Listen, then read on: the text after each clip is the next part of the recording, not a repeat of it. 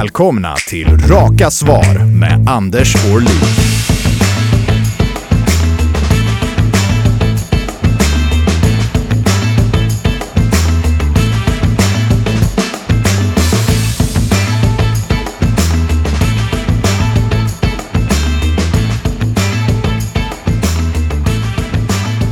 Du lyssnar på det allra första avsnittet av Raka Svar med mig, Anders Orlin. Jag är en hängiven örebroare som eh, gillar att eh, eh, allt ifrån kn slipa knivar till att eh, heja på Örebro Hockey hockey och ÖSK och eh, dessutom liksom uppleva allt det fina med fina Örebro. Till vardags är jag också lokalpolitiker och engagerar mig i samhället så mycket jag orkar. Det fanns ju ett läge tyckte jag att starta en podd som handlar om just Örebro och det lokala och vad som händer i vår, vår fina kommun och sådär. Så att det här är det första avsnittet och vi ska spela in eh, ett antal sådana här poddar och eh, då är tanken att vi ska bjuda in häftiga, roliga, allvarliga och seriösa gäster till programmet. Och med mig idag så har jag Kalle Selander, en person som jag har längtat efter att få spela in den här podden med. Välkommen hit Kalle. Tack Anders. Och jag vet ju att du inte fick tag på någon annan. Du har ringt runt till precis alla, men det är klart att jag ställer upp för dig. Det vet jag. Jag gillar ju dig Anders. Så det, ja. ja. det är ju alldeles underbart, ja. Eh, Kalle. Nej, det, det, sanningen är faktiskt den att vem kan vi liksom ha med i det första poddavsnittet så vi kan ha lite kul och som faktiskt också i de här dystra tiderna som ändå är, att kunna ändå bringa lite ljus i det här mörkret och trevliga samtal. Så Kalle, därför är du här. Kan du berätta, vem är du? Nej, men jag, jag heter Kalle Selander och jag är ju, som du, engagerad i, i Örebro, men också i Karlskoga. Jag jobbar som näringslivschef i Karlskoga och bor i Garphyttan i Örebro. Alltså har jobbat i Örebro och varit aktiv här i många år. Ja, men det, det är spännande och du, eh, många känner igen dig i Örebro. Du är ju en profil, kan man säga så? Ja, kan man säga. En liten profil, en C-kändis kanske, D. Kategorin som delar ut gratis bröd utanför ICA-butiker vid jubileer. Där är jag. Ja, det kanske inte riktigt den bilden jag har av Kalle Selander. Men däremot så, det här med konsten att vara snäll, är det någonting du känner till? Ja, det gör jag. Kan, kan du berätta om det där? För jag vet att du har, har du utbildat i konsten att vara snäll? Jo, men det? det har jag ju gjort. Det var jag ganska tidig med. Men det kanske är att man själv är snäll och umge, man har snälla kompisar och tycker snällhet är viktigt. För det är det viktigaste. Att ja. vi faktiskt behandlar varandra med respekt och är, snällhet är fint. va? Och, och det, nu är inte det riktigt på modet att prata om det. Det var ju det under en period. Men, så det är ingenting som, men jag försöker ha det i mitt eh, så kallade ledarskap. Att man är snäll och omtänksam. Och, ja, då blir det också att man omger sig med människor som är samma. Ja, vi kommer ju återkomma lite mer. Jag är lite nyfiken nämligen mm. på det här med vad du gör om dagarna för Karlskoga faktiskt. Mm. Men, men det här med konsten att vara snäll. Alltså om jag skulle ställa så här en öppen rak fråga till dig. Är örebroarna snälla? Jag tycker örebroarna är ganska snälla. Det kan finnas en liten startsträcka ibland för örebroare att eh, ta folk till sig. Det, det, tror jag man kan säga. Det tror jag att många känner igen. Men det finns en väluppfostrad eh, ådra som jag tycker man ser hela tiden. Mer väluppfostrad än snäll, så skulle jag nog säga. Men det finns en godhet i stan och det ser man ju inte minst när det är sådana här tider att det är massor med initiativ att göra gott för Ukraina och för människor som är på flykt och har det, har det svårt. Och, och ja, det finns en snällhet, en godhet. Men en liten reservations också. Ja. Känsla. Jag märker ju av den här snällheten skulle jag vilja säga nu med tanke på Ukraina-krisen och kriget. Mm. Invasionen utav, utav Ukraina är ju fruktansvärt. Mm. Vi kan ju bara börja där. För, tungt ämne kanske men det är ju fruktansvärt.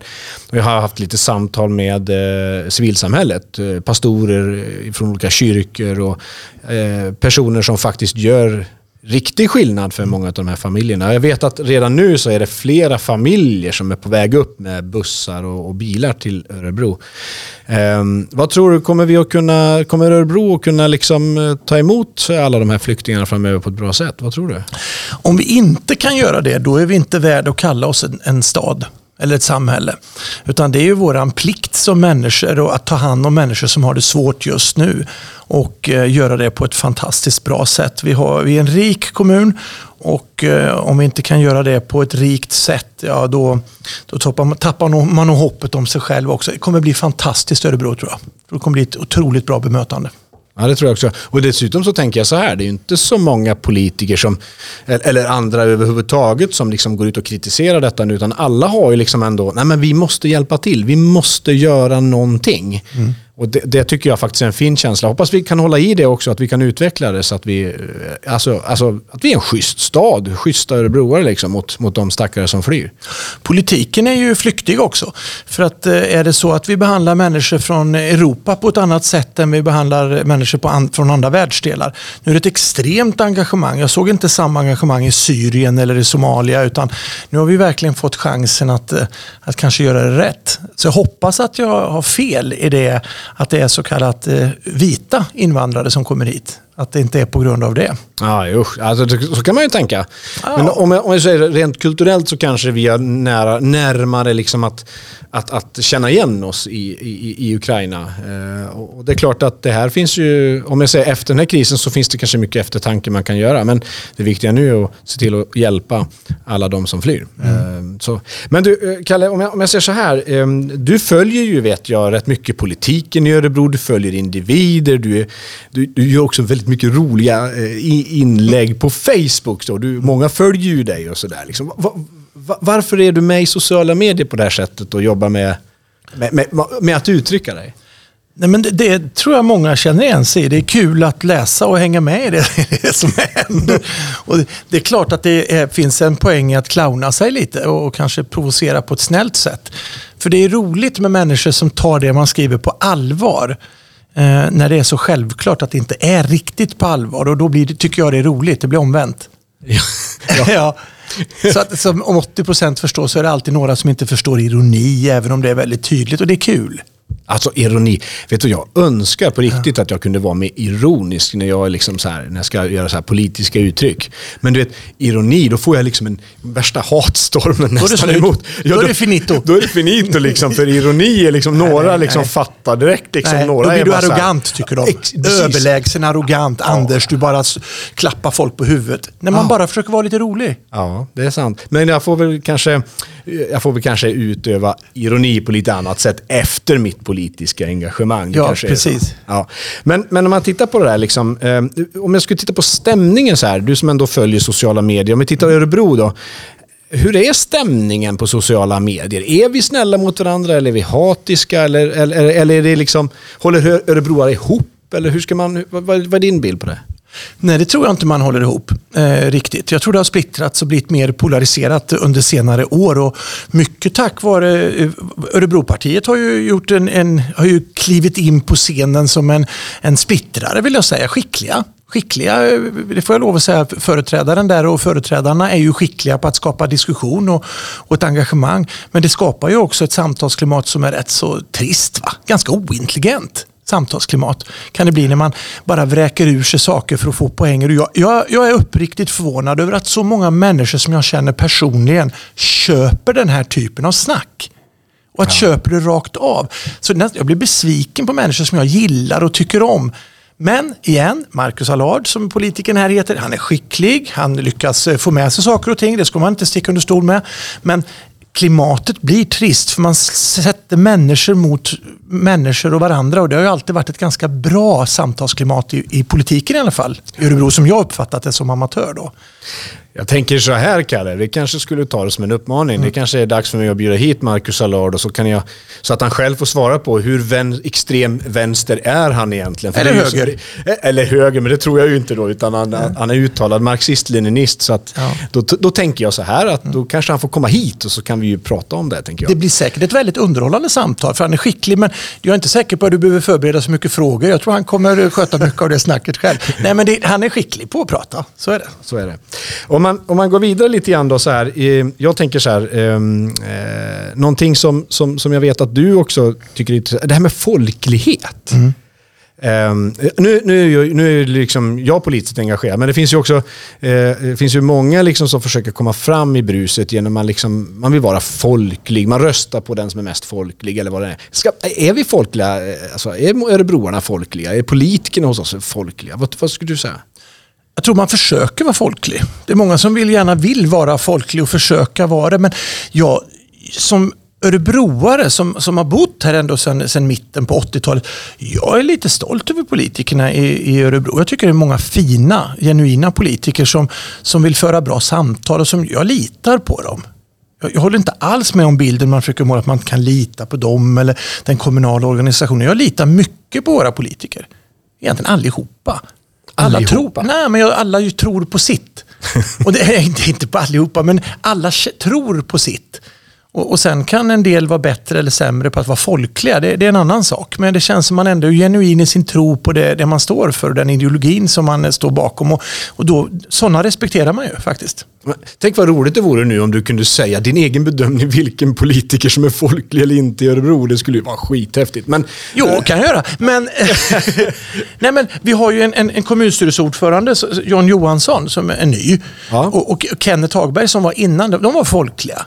Kenneth var duktig. Han kunde vara både vara strikt och folklig faktiskt. Och jag tycker att John har följt i, den, i, i, följt, följt i de spåren. Han är ju mycket, han är ju rolig, men samtidigt seriös. Va? Du själv är ju en, en politiker som, som både kan vara strikt och som kan vara folklig, och som, eller framförallt genuin och gilla människor. Det vet jag att du gör Anders, för du tycker om folk.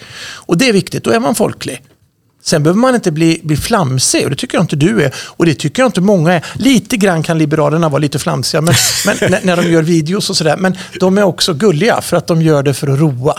Och gör man något för att roa, då är man förlåten. Ja, och det är ju liksom intressant om hur mycket entertainer och hur mycket storyteller ska man vara som, som politiker. Men det är klart, politikerrollen förändras. Så Det gör den. Vad säger du Rickard Axdorff? Du kommer att vara min sidekick här i Raka Svar. Eh, När du lyssnar på oss nu här, liksom, har vi fått en bra start, eller hur är det? Jag, jag, tycker verkligen det. Jag sitter här och bara njuter av den här första podden. Eh, jag var ärligt talat lite nervös för hur det här skulle gå Anders. Men du, du, du är ju ett naturbarn. Som vanligt liksom glänser i rummet. Så att, nej, men jag, jag tycker att det är jättespännande. Jag undrar lite grann så här, vad, om vi ska på något sätt ta det begreppet folklig. Vad, vad, vad är det att vara folklig? Om vi går lite djupare in i frågan. Vi, vi har varit inne och skrapat på det lite grann, men om, om vi går ännu djupare. Hur blir man folklig? Vad, vad är det egentligen att vara folklig? Man kan inte bli folklig. Eh, man är det. Du har det naturligt att det finns ett intresse. När du pratar med människor, de ser. Folk är inte dumma i huvudet. De ser om det finns ett genuint intresse. Att lyssna på vad andra säger, att man verkligen ser det på riktigt. Då har man en folklighet som folk köper. För människor är smarta. Okej, om jag, och då, bara för att vi ska nu göra, för de lyssnarna här, de ska göra lite klart. Kan ni komma på någon, så här, någon örebroare nu som är riktigt folklig, liksom, något, något namn ni bara, den, han eller hon, eh, de är folkliga. Jag skulle säga Kalle Selander då. Ja, Kalle är rätt fo- fol, är, är Kalle folklig? Ja. Är rätt Jo folklig. men, det, jo men det är det. Över tid Lite fånig, men folklig också. Vad säger du Kalle? Har du något, något namn som faller framför dig? Och Ingen politiker, det vill jag inte. Nej, nej, men alltså jag ska säga det, det, det är inte jätte, jättevanligt. En del skulle kunna ha sagt Peter Flack, men det tycker inte jag. För Peter har en väldig integritet till exempel. Han är folklig när han måste vara folklig, sen är han trevlig. Han har en väldig integritet och konstnärlig integritet, så jag skulle inte kalla honom folklig även om genren är folklig. Eh, nej, det är inte jättemånga profiler i Örebro som jag skulle säga är direkt folkliga på det sättet. Men väldigt många trevliga. Ja, okej. Men ett namn som jag tänker på, Ernst Kirchsteiger. Jag tycker Är inte han han är folklig. Är han inte folklig? Nej.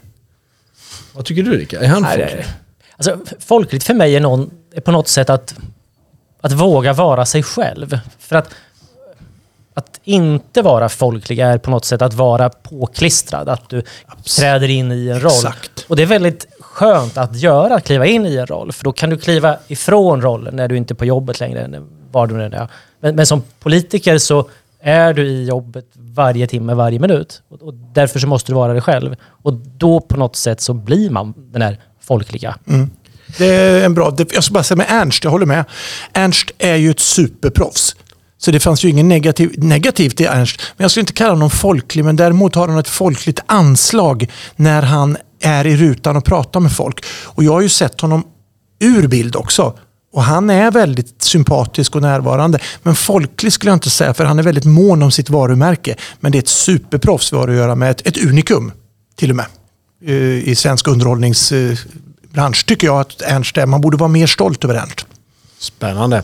Det kanske, vi kanske får bjuda in Ernst till den här podden också. Men, eh, Han är kan vi- lång. Han är lång, ja. Jag, Ja. Då får vi höja upp Det är en snygg karljäkel du. Ja. ja, Ja, men också. det är han. Det är stilig han. Ja, så där skulle jag kunna tänka mig att se ut faktiskt när jag blir lite äldre. Du kommer se ut som han. Han sa en gång, och då kände jag att, jag vet inte om jag skulle skratta eller om det skulle krypa i mig, men han sa en gång på, eh, på en tillställning, det är inte många kvinnor som klarar av två meter man, sa han. Då tyckte jag att bara kunna säga så, det finns en viss eh, ryggrad i det. Va? Ja, men alltså med all respekt för Ernst, men det är ju just det där barfota. Alltså jag är ju ingen barfota kille, det kan jag ju säga. Nej. Men jag, det är så här, jaktstövlar, det, det älskar ju jag. Liksom. Och Alltså, det är så här- manligt, förlåt, men Ja. nu- om vi nu... Och apropå folklighet, Crocs är ju inte fel. Men, men just det där arbetsskor med skydds, sån här skyddshätta. Är det bra? Det är mina favoritskor vet du. Ja, du, du kan vinna poäng hos en viss kategori eh, män och kvinnor, men jag är inte säker på att det går hem hela vägen faktiskt. Men det där, kan vi säkert, det där är ett väldigt intressant ämne. Crocs eller arbetsskor eller barfota. Ja, det, sockerplast säger jag för att vara på den säkra sidan. Ett klassiska sockerplast. Du ska få det av mig Anders. Jag köpa ett par till dig. Ja men du vad trevligt. Och, och då kanske man kan använda dem sedermera här framöver i... i Kan ha dem i vilket sammanhang Vilket som helst. Ska jag säga. Det vill vi gärna Ja. veta hur det går. Jag, jag tänker när man, när man hör också Ernst, man, det man tänker på, det är, det är mer snar snäll än någonting annat. Det är, det är någon man vill krama, som man vill gosa med på något sätt. Men, men utifrån snäll så, så landar vi någonstans i, om vi nu ska försöka...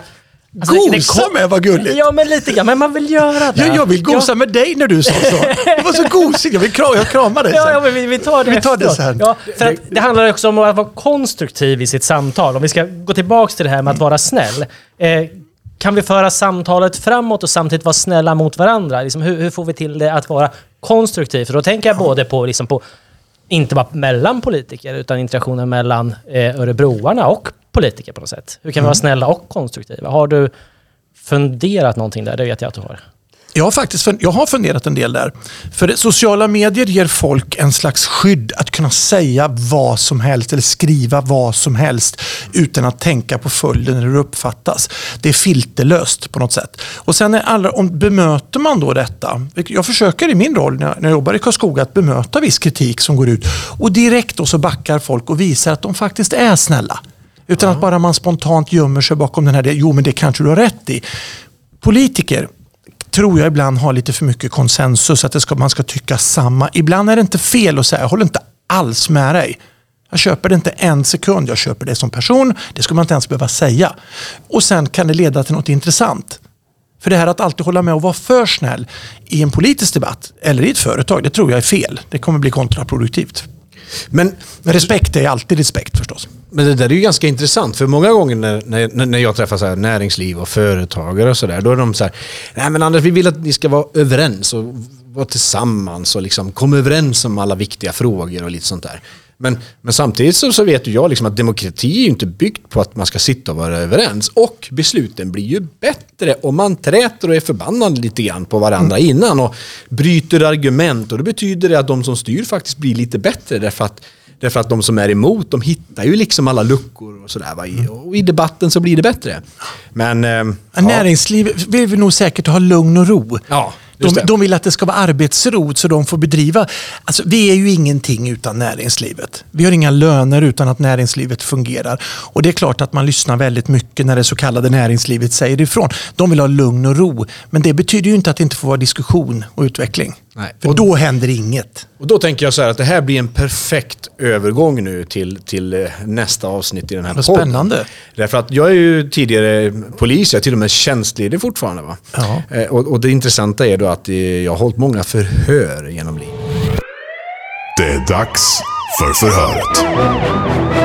Okej Kalle, välkommen hit. Kan du låsa upp handklovarna? Jag lovar att inte rymma härifrån. Snälla. Ja, jag ska först rikta upp strålkastarna åt rätt håll. Svetten vi, rinner. Ja, just det. Just det. Eh, nej, men det är ju det här, Kalle, att eh, du eh, har ju en eh, särskild relation till Karlskoga. Ja, det har jag. Kan du berätta för mig vad du gör i Karlskoga? Jag jobbar som chef för en avdelning som heter näringsliv och tillväxt. Det är en del är att jag är näringslivschef och en annan del är att jag är ansvarig för den strategiskt övergripande samhällsplaneringen. Alltså, det, som, det som byggs. Nu lät du som en politiker. Byråkrat, nästan. Ja, en blandning på något sätt, absolut. Ja. Alltså, så här, ja, men om vi skulle då liksom prata mer så här folkligt som vi har varit inne på här Allt som tidigare. byggs. Det Allt som som byggs, byggs, projekt. Eh, vi, har ett stort, vi ska få fram 700-800 nya bostäder under ett antal år framåt nu. Och sen alla etableringar förstås. Eh, vad som är nya företag. Eller, eller framförallt det viktigaste av allt ska jag säga. Det är att få de befintliga företagen att må bra och utvecklas. Det är det viktigaste, viktigaste. Det är nummer ett, två och tre på listan. Hur man gör för att ta hand om företag. Men då eh, måste jag ändå fråga lite grann. Så här, för att tittar man på... Svenskt Näringsliv har en sån här näringslivsranking, eller hur? Ehm, och det, i Örebro, där pendlar vi någonstans där ja, på plats 130 däromkring och vi kommer typ ingen vart. Men Karlskoga, ni har gått från plats 250 till 83. Och då ska det tilläggas då att ju lägre ner desto bättre blir man. Ja. Så, ja, det är ju ett riktigt kast liksom. Ja, det är ett rejält Och, då, kast. och då, då tänker jag så här om jag skulle bo, ge dig ett incitament här. Eh, Beror det här på eh, Kalle Selander? nej, nej, jag är en liten, liten del. Ett är det väl att det har varit ett långsiktigt arbete med det här. Här som tjänsteman är man ju opolitisk. Men det är klart att, att, eh, att eh, Tony Ring som sitter nu som kommunstyrelseordförande, Moderaterna tog över, har ett väldigt uttalat fokus på näringslivsfrågor. Och han har nog sagt kör. Nu kör vi på det här. Och, och ställer höga krav på detta. Och Det är klart att det ger ju naturligtvis effekt. När man, när man, och vi vill ge en service som är världsklass, väldigt närvarande service. på våra, Vi ringer upp, vi återkopplar direkt, väntetiden är noll. Va? Det ska vara verkligen vara. Det här är människor som har företag som är rastlösa. De vill ha resultat snabbt, för de har inte tid att vänta. Och vi låter dem inte vänta. Så är det. Och sen går det väldigt bra för företagen i Karlskoga också. Så det är ju en bidragande orsak förstås. Och, och varför harvar Örebro då? På samma plats liksom? Alltså, det, det är en större stad. Örebro borde ligga på topp 50, topp 20 i landet. De har ett fantastiskt näringsliv. De har ett diversifierat näringsliv. Man har massor med fina företag. Man har, en, man har duktiga människor som jobbar med de här frågorna i Örebro också. Men det, man är lite, lite anorektisk organisation tror jag. Men sen är det också så, i en större kommun är det svårare att övertyga. Det är så. Det, blir, det är lätt det blir anonymare. Jag tror att det finns, hur många företag finns det i Örebro? 7-8 tusen. Då ska man få nå ut till alla dem. Det är inte lätt. Nej, det är faktiskt inte lätt. Och en mättnad, Anders. Man är van att det går bra och att det funkar bra och att det växer hela tiden. Och då ställs hela tiden högre och högre krav på en kommun. Men då är min fråga så här. Alltså, alltså Karlskoga har ju en stor försvarsindustri. Och för alla som lyssnar nu ska man vara medveten om att nu ska man ju helst inte prata för mycket om allt som har med försvar eller, eller försvarsteknik eller sånt där. Kom ihåg det, det är väldigt viktigt. Liksom. Man får inte göra det. Man, man, man ska, men, men jag kommer att göra det lite grann ändå, hörru du Kalle. För att så är det, Karlskoga har ju en stor försvarsindustri. Eller hur? Japp. Och, och hur viktig är den för Karlskoga? Och hur viktig är den för Örebro? Den är otroligt viktig för Karlskoga. Inte bara att det är en 2000 personer som jobbar i en extremt högteknologisk bransch. Den är också viktig för självkänslan i Karlskoga att man är världsledande inom massor med områden. Det finns en enorm stolthet bland Karlskogabor att ha det här. Att ha den här typen av industri. Och det rinner ner, det är sån här eh, vad heter det, ripple down effekt. Va? Så detta, vi har massor med högteknologiska tillverkningsföretag som finns här. Och massor med andra. Vi har ju medicintekniska företag, additiv tillverkning, eh, träindustri. Handeln går fantastiskt bra. Så allting blir en... Ja, det, det går bra allting, men det här är viktigt för Örebro också. På vilket sätt? Ja, det pendlar bland annat in 4 600 personer varje dag in till Karlskoga. Och pendlar ut 2 900. De flesta kommer från Örebro. Så de har sin sysselsättning och sin lön från Karlskoga. Massor med underleverantörer som, som de större industrierna, inte bara vapenindustrin, köper konsulttjänster, köper tillverkningstjänster från Örebro. Övriga Örebro län. Vi samarbetar mycket. Samarbetar vi mycket eller kan det bli bättre tänker jag? Alltså nu är det så här, alltså jag tänker ändå liksom, det, finns det någon lite så här gammal rivalitet där Kilsbergen ändå finns där som någon liksom, så här, muren mellan kommunerna liksom sådär. Då, då, då, så om jag skulle liksom, men, är vi bra på, vem är sämst på att samarbeta? Är det Örebro eller är det Karlskoga? Eh, Örebro är, sämst på, är sämre på att samarbeta. Alltså, Med Karlskoga i alla fall. Men man, inte, nej, men man är inte dålig. Örebro har 12 kommuner, 11 kommuner till att ta hänsyn till. Och vi, vi flörtar ju förstås väldigt mycket med Örebro och Karlstad.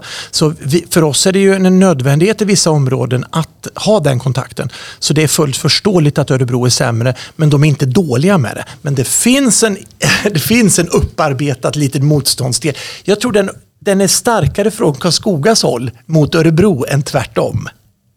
Så tror jag faktiskt. okej. Jag såg ett litet leende där. Örebro eller eh, Karlstad? Eh, för mig är det så självklart eh, Örebro. Okej, och, för, för Karlskoga i stort då? Karlstad, eh, vi, sam, vi har mer att göra med Örebro. Mycket mer att göra med Örebro och Örebro län. Men jag tror att Karlskogabon är i själen en värmlänning. Precis. Det finns en väldigt vänlighet i Karlskoga. En väldigt uppe, det finns, alltså folk är gästvänliga. Väldigt vänliga människor och väldigt genuina i brukssamhället. Man vill väl om folk runt omkring sig. Och det ligger lite i det här värmländska kynnet också. Så att i själen är Karlsvågabor värmlänningar. Men vi har mer att göra med Örebro län ändå.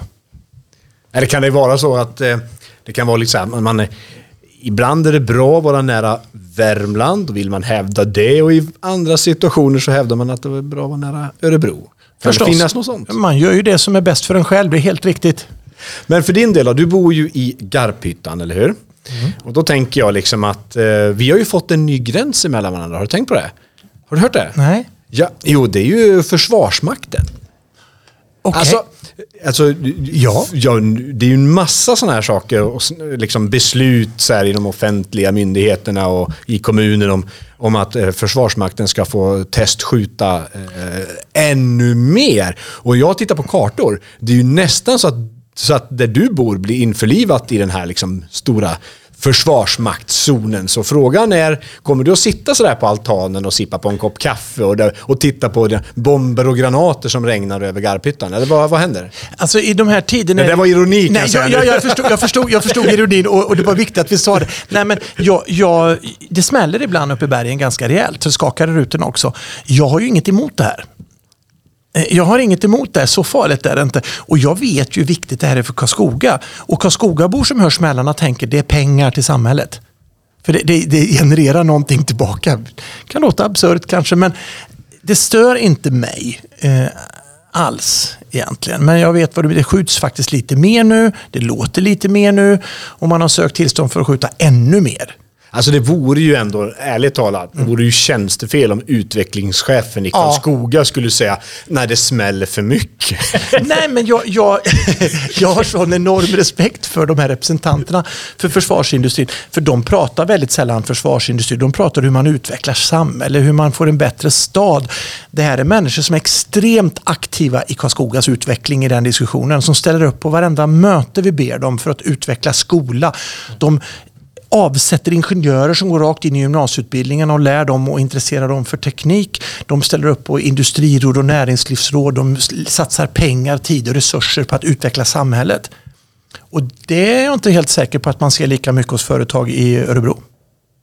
nej, det är intressant. Och, och så skickar de lite granater runt i området också. Det bidrar man till. Jag vill bara för sakens skull säga att jag är en stor försvarsvän och en stor vän av försvarsindustrin. Ja. Och det kan, kan väl, jag kan väl känna så här i, i hur dagen ser ut så kan jag känna liksom att det var ett bra ställningstagande. Men jag tänker, har Svenska Freds en stor lokalavdelning i, i, i, i, i Karlskoga? De har en eh, utanför Rosendalsporten där man åker in på det säkerhets... Nej, det har de inte. det har de inte. Har de inte. Det, är, det pratas ganska lite om det här. Egentligen ingenting. Jag har under min tid, under mina sju år i Karlskoga, inte hört några protester på det sättet. Därmed inte sagt att jag tror att försvarsindustrin är medveten om den här diskussionen, men jag tycker att de förekommer den också. De är ganska tydliga och berättar vad man får och inte får göra. Och så många produkter som går ut på den civila marknaden som, som alltså, kommer utav forskningen. Ja, jag hoppas att det väger upp det. Jag kan, jag kan ju säga så här, det är ganska aktuellt egentligen därför att eh, förra veckan här så, så, så eh, nu kommer ju alla demonstrationer mot eh, Rysslands invasion av Ukraina och, då, och det är en massa seriösa aktörer som anordnar demonstrationer och så brukar jag bli inbjuden till dem där.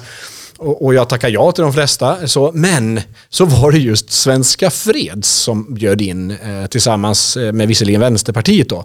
Och jag, jag mäktade inte ta mig dit. Alltså rent känslomässigt. Jag, jag, jag, jag visar all sympati i alla andra sammanhang, men jag kunde faktiskt inte. För jag bara kände så här, nej men vänta lite nu. Här har ni kämpat för, för, för liksom att nedmontera länder som faktiskt vill försvara sig, liksom, som inte ska få försvara sig eh, i, i alla dessa tider. Och helt plötsligt så befinner vi oss i det här läget. Och då går man och gör en stor demonstration. Jag hade jättesvårt att delta, jag kunde inte. Nej, men jag tycker du gör rätt.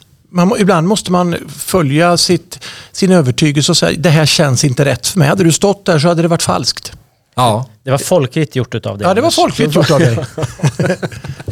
Ja, men det här är ju intressant. Men jag, jag tycker det är kul ändå, eh, generellt sett, att prata om relationerna med våra grannar i formen utav, utav Karlskoga eller, eller, eller eh, Västerås exempelvis. Och det, Västerås är också lite roligt med tanke på att vi vem är störst idag? Det kommer ju siffror liksom på nästan daglig basis vem som är störst. Där tror jag, där ska man nog inte ens låtsas med Västerås att man är kompisar. Eh, för det, det är bara fånigt. Örebro och Västerås slåss hela tiden om etableringar. Det, det är väldigt tufft. Och det som liksom kommer från Stockholm och landar, vi vill ju ha hit det till Örebro. Så det, det är en ren konkurrenssituation. Det som är sker med Karlskoga, och Hallsberg, och Kumla och Askersund, det är komplement till varandra. Vi jobbar ju rätt mycket tillsammans i, i, de, i olika nätverk. Business Region Örebro med näringslivschefer som träffas. Vi träffas och samarbetar kring etableringar. Det, det är ett oerhört bra samarbete i Örebro län. Det är unikt i Sverige till och med på den sidan. Att vi, det som är bra för den är bra för de andra. Som Som lät sagt, lite halleluja faktiskt. Det var, men alltså, nu, nu är det ju så här att det här är ju då ett förhör. Det är ett förhör, förlåt. Det, det går lite dåligt kan jag erkänna. Ja, jag får säga att du är alldeles för resonabel som förhörsledare. Alltså, här, den här, den, jag, jag verkar som jag någonstans måste liksom påminna mig om den här Yrkesrollen. Ja, ja, förhörstekniken som jag hade, fick liksom en kurs i på Polishögskolan. du kommer inte få tillbaka jobbet, det kan jag säga. Alltså jag känner att jag hoppas inte att polisledningen hör det här. Liksom, det kan bli lite jobbigt. Ehm, nej men du Kalle, det, alltså, om, vi, om vi säger så här, liksom, vi börjar väl komma mot någon form av avrundning av den här podden. Men, men jag har några så frågor som jag ändå tycker liksom är spännande. Jag, vem tycker du jag ska bjuda in till den här podden? Vem vore jättehäftig att lyssna på i en sån här podd? Ja, vem skulle du bjuda in till den här podden? Jag tycker ju att det hade varit roligt att faktiskt plocka in John Johansson. Ah, Där ni, kul. Det skulle jag också vilja. jag tror han kommer. Ja, vi har pratat om det faktiskt. Men, Men, han, är, han är kul att prata med och ni två är båda snabba i huvudet och roliga och, och trevliga personer. Jag tror det skulle kunna bli en kul samtal. Ja, men vi ska inte ha ett kul samtal. Nej, det men måste jag ju tror vara det- lite spännande att Ja, men ni kanske kan svära åt varandra också. Det, det är ju en podd, man får ju säga saker här som man inte får säga var som helst. Alltså idag så sitter ju alla politiska partier och diskuterar, har vi för dålig stämning i fullmäktige nu? Liksom? Ja. Och, då, och då var det just den här frågan uppe. Så här, ah, nej men alltså, typ presidiet där säger så här tydligt, nej men det, eh, vi måste reglera att vi ska ha god stämning i lokalen. Och jag bara, men stopp, stopp och belägg. Jag är inte dugg intresserad av att ha, liksom ett ändamål att ha god stämning. Jag står ju oftast för den dåliga stämningen där inne. Ja, det gör du. Ja, det, det- gör, det- gör faktiskt det. Nu har jag ju fått lite, lite, lite, liksom, lite konkurrens om det. den det har du fått men, också. Men, men, men, men så är det ju. Liksom. Men, men är det viktigt det här liksom, att ha god... Om jag och John träffas här nu, liksom, Mm. skulle det vara... Skulle det vara skulle det liksom, vad, vad tycker du? Vad ska tonläget vara? Nej, men man kan väl prata om vad, som livet, vad, som gör livet värt att leva. Vad som är viktigt för honom, vad som är viktigt för dig. Och hur han ser på Örebros framtid. Vad som är, jag tror att ni skulle kunna se väldigt mycket lika. Det är min uppfattning. Och sen finns det vissa saker ni inte ser lika. Men det skulle vara en intressant diskussion att höra den här delen. Ja. Som inte behöver handla så mycket om politik egentligen, utan man ser på människan och det runt omkring sig. Och förhoppningsvis skala av bort ideologier och, och, och kampanjsnack då, utan bara prata som två stycken seriösa, sympatiska män kan göra. Okej. Och kvinnor förstås, men nu var det ju inte någon kvinna jag föreslog. Ehm, om jag skulle vilja liksom vända på det lite grann. Jag har också funderat mycket på alltså det här med att, att det är en sån här podd. Vem är intressant att lyssna på? Vi har ju liksom väldigt mycket intressanta människor man skulle vilja prata med. Men någonting som jag, liksom, vid sidan av alla kriser just nu, så tycker jag liksom eh, Örebro Hockey, jag tänker också ÖSKs eh, återtåg. Mm, men det är tråkigt att lyssna på. Är det tråkigt att lyssna på det? Varför det? Ja, men alltså, jag har aldrig hört någon rolig... Du kan ta in vem som helst. Ta in någon som håller på... Jag är ju själv tränare i fotboll. Eh, Men ta in någon elittränare eller ledare. Så, det är tråkigt att lyssna på dem. Är, är det så här? de är bollen, man- bollen är rund Nej, nej, men, nej, men de är smarta, de är, de är sympatiska, men de är tråkiga att lyssna på för de har alla skyddsnät på hela tiden. Och De säger man är glad att man gjorde fem mål, till exempel. Nej, men du gjorde fem mål. Ja, man är glad. Man, det var ju du som gjorde. Det, det, är, så la, det är så utslätat och fegt. Jo, men om man då har liksom halkat ner ur liksom den översta serien. Liksom. Ja. Om man då, då borde man ju liksom ha lite mer jäklar anamma, tänker jag. Och kanske då släppa på de bitarna Mm. och verkligen visa, liksom, är energi, nu ska Mm. vi tillbaka. Och så råkar man säga saker man annars inte skulle säga. Vad tror du om den då. teorin? Då? Jo, om du tar tränaren, den nya tränaren. Ja. Han, Joel, vad heter han, Ceder? Han skulle kunna vara intressant. Kent Persson som är nu ordförande, han är ju jätteduktig men han blir för mycket före detta politiker och ordförande. Axel Kjell kan du inte ta för det funkar inte för han, han skulle inte säga någonting som skulle vara roligt att lyssna på. Så han, är, han är ju duktig men inte rolig. Och sen, nej men han, det är han inte. Men jag tror den här Joel Cedergren kan vara en hit. Jag tror, att, jag tror att det är en bra tränare som har lite, det känns att han tänker lite annorlunda. Han vågar vara ganska rak i kommunikationen. Eh, jag tror mycket på honom. Jag tror på Axel med, men jag tror inte som, inte som eh, intervjuobjekt. Men den här killen, det skulle vara spännande. Alltså det är ju intressant när man pratar om det här. Det här är ju liksom Jag kan aldrig gå på en duktiga- Ösko-match mer. Jag kommer aldrig kunna gå på en Nej, Ösko-match Det är han Skogingen Degerfors. där, kommer man att säga. Ja, jag gillar Ja, Degerfors, vet du. Va? Jag gillar Degerfors. Kalle, va? Jag, jag, jag gillar Degerfors. Håller med på Degerfors än ÖSK. Nu har vi inget så mycket tid kvar för utan Degerfors? Ja, men du- nu har vi ju en timme till att diskutera. men... alltså, förklara dig Kalle. Du bor i Grythyttan, du jobbar i Karlskoga. Jag bor i Garphyttan också, men jag har jobbat i Grythyttan. Ja, jag...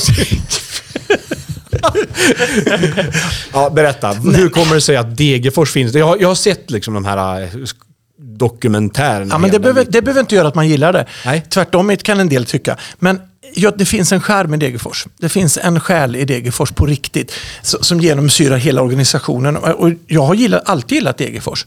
Jag har spelat mot dem på juniorsidan och det var någonting, det är någonting med den här i själen som sitter där. Det finns något genuint och de lyckas plocka upp spelare som är på väg upp och liksom får dem att, att, att begå stordåd och verkligen springa benen av sig för klubben. Jag tycker inte att ÖSK lyckades med förra året. Det var rätt många trötta spelare som inte tog en extra löpning och man behöll folk för man hade... Ja, elitfotboll är tufft, men de lyckas kombinera elitfotboll och hjärta. Och det gör att man, jag gillar ÖSK också. Jag vill att det ska gå bra för Jag vill att de ska komma tillbaka. Jag tycker, jag, klart att jag håller på dem. Men jag, jag kan känna verkligen glöden för Degerfors när man hör deras supportrar prata. Och det, det är smittande. Kan ÖSK få tillbaka den känslan, då kommer de komma långt. Det hoppas jag, ser fram emot. Eh, eh, Jag, jag tycker det är spännande. Jag tycker det är så häftigt att vi har liksom den här nivån på de här lagen i i Örebro. Jag tycker det är skithäftigt, ursäkta uttrycket. Det är helt otroligt, den toppnivån och breddnivån i Örebro också. Helt galet bra. Ja, men återigen, jag, förstår ju underdog. Liksom. Alltså Degerfors, är ju lite underdog. Så Mm. Ja, det, det, fin, det finns, alltså jag förstår den här, vad, vad, säger man på engelska? Likeability eller likeable. ja. Liksom. De är ju där på det sättet. Så att, men det är klart att eh, anledningen till att jag utmanar dig nu är ju bara för att vi ändå pratade ÖSK och Degerfors. Men en, Anders, bara så att vi sätter det här nu. Ja, för, jag gör det. vet att du har haft Ja, mycket ja. i valår och sådär. Och det, det började väl förra hösten och kanske i oktober, vet jag inte. Så du kanske inte har varit med i den verkliga världen ett tag. Men du vet, eh, ÖSK är ju ett elitettanlag. Det ligger alltså i våran andra division just nu. Och Degerfors ligger i den högsta divisionen. Så att underdog är ju ÖSK som är underdog nu. Och, så att jag vet inte, men... men eh, det kommer väl kanske gå någon enstaka ma- match på More om de inte har någon, något annat att visa va? Alltså, alltså jag ser ju vart den här podden är på väg just nu. Jag bör också känna det att det här, det här handlar om gränser mellan olika regioner och vi har en av dem som sitter på en jävla massa vapen. så någonstans här så, var trevlig Anders Ja. nu. Ehm, jag gör så här att ehm, eh, jag tror att ehm, eh, om man tittar nu på den här podden så, så, så, eh, och vi har det här liksom förhöret. Jag vet inte riktigt om förhöret är över eller inte. Det var Egentligen. ett bra förhör. Ja, visst var det bra? Jag Ja. tycker också det. Och liksom, dessutom blir förhörsledaren allt annat än objektiv. Ja, ja. Men det är, det är aldrig en förhörsledare Nej. tror jag. Men, men, men om det är liksom, om jag säger så här nu, eftersom det här är min första podd eh, och, och, jag hoppas verkligen att vi har lyssnare nu som har orkat lyssna ända hit, vilket jag ju liksom... Klart de har gjort. Ja, det är ju jättehäftigt. Men i ett förhör så brukar man ju liksom avrunda lite grann med, är det någonting mer du skulle vilja säga som du inte har fått sagt? Eh, liksom? Har du någonting, du, när du klev in i den här lokalen och bara kände att ah, men det här hoppas jag verkligen att Anders kommer adressera. Det här ska vi prata om.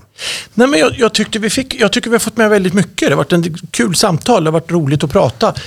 Jag hade hoppats att vi skulle kunna prata mycket mer om, om vitt vin och sushi och mörk choklad och sådana här grejer. Undrar vad- om folk hittar på att de gillar det egentligen eller att de säger det. Eller, eller grekisk sallad eller något sånt där. Så att, men att, men eh, vi, vi kan ta det en annan gång. Grekisk sallad? Jag vet inte varför jag sa det ordet, men så fort jag sa det kändes det fel. Den grekiska salladen? Finns det någon som tycker om osten i den här? Vad heter den? Getosten är ju sur. Och oftast så är det ju inte heller riktigt Nej, grekisk bara en sån sak, det ser du. Ja, men, men med tanke på att Rickard här är liksom så här lokal bonde så, så är det såklart att vi gärna vill ha lokal, eller hur Rickard? Ja, ja, ja, lokal oh, ja. ost i det här. Oh, ja. Ja, men, eh, ja. Ja, men när- när Karlskoga kommer och tar över Örebro, då har jag mina lokala grisar där som jag kan äta.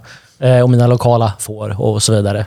Så att det, det lokala är viktigt. Vi, vi slår ett slag för det med en gång tycker jag. Ja, det tycker jag också. Så, Lokal så, mat i alla skolor. Så, men, men det här blir ju inte bra om vi nu börjar förespråka någon form av handelsembargo mot Karlskoga. Eller vad, vad, är det vi, vad landar vi nu? Karlskoga har lokal mat i sina skolor. De har tagit ett beslut om. För det fick kosta lite extra, men det är därför de är så starka ben. Precis. BIK ska komma och gå upp i elitserien förresten. Jaha. BIK Karlskoga kommer Ja. gå upp. Det blir fina derbyn. Eller om, om, om Alltså- Örebro Hockey hänger kvar förstås. Det är klart de hänger Ja, det kvar. Det var väl ingen liksom...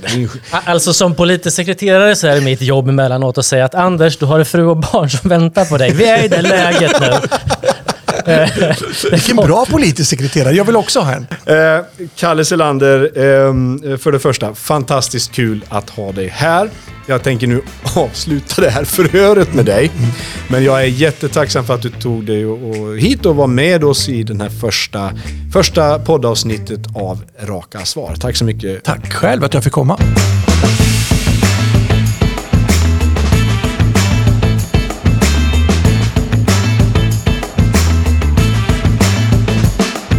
Sådär, tack så mycket Kalle Selander och eh, eh, det här var väl en fantastisk start på Raka Svar. Eh, vi kommer att eh, komma tillbaka med en ny podd om två veckor. Eh, och eh, den gästen som kommer att vara då kommer att lanseras på min Facebook-sida. Så välkommen att komma tillbaka och lyssna på podden Raka Svar. Mitt namn är Anders Orlin och jag ser fram emot Eh, en ny podd där du kommer vara lyssnare. Tack så mycket.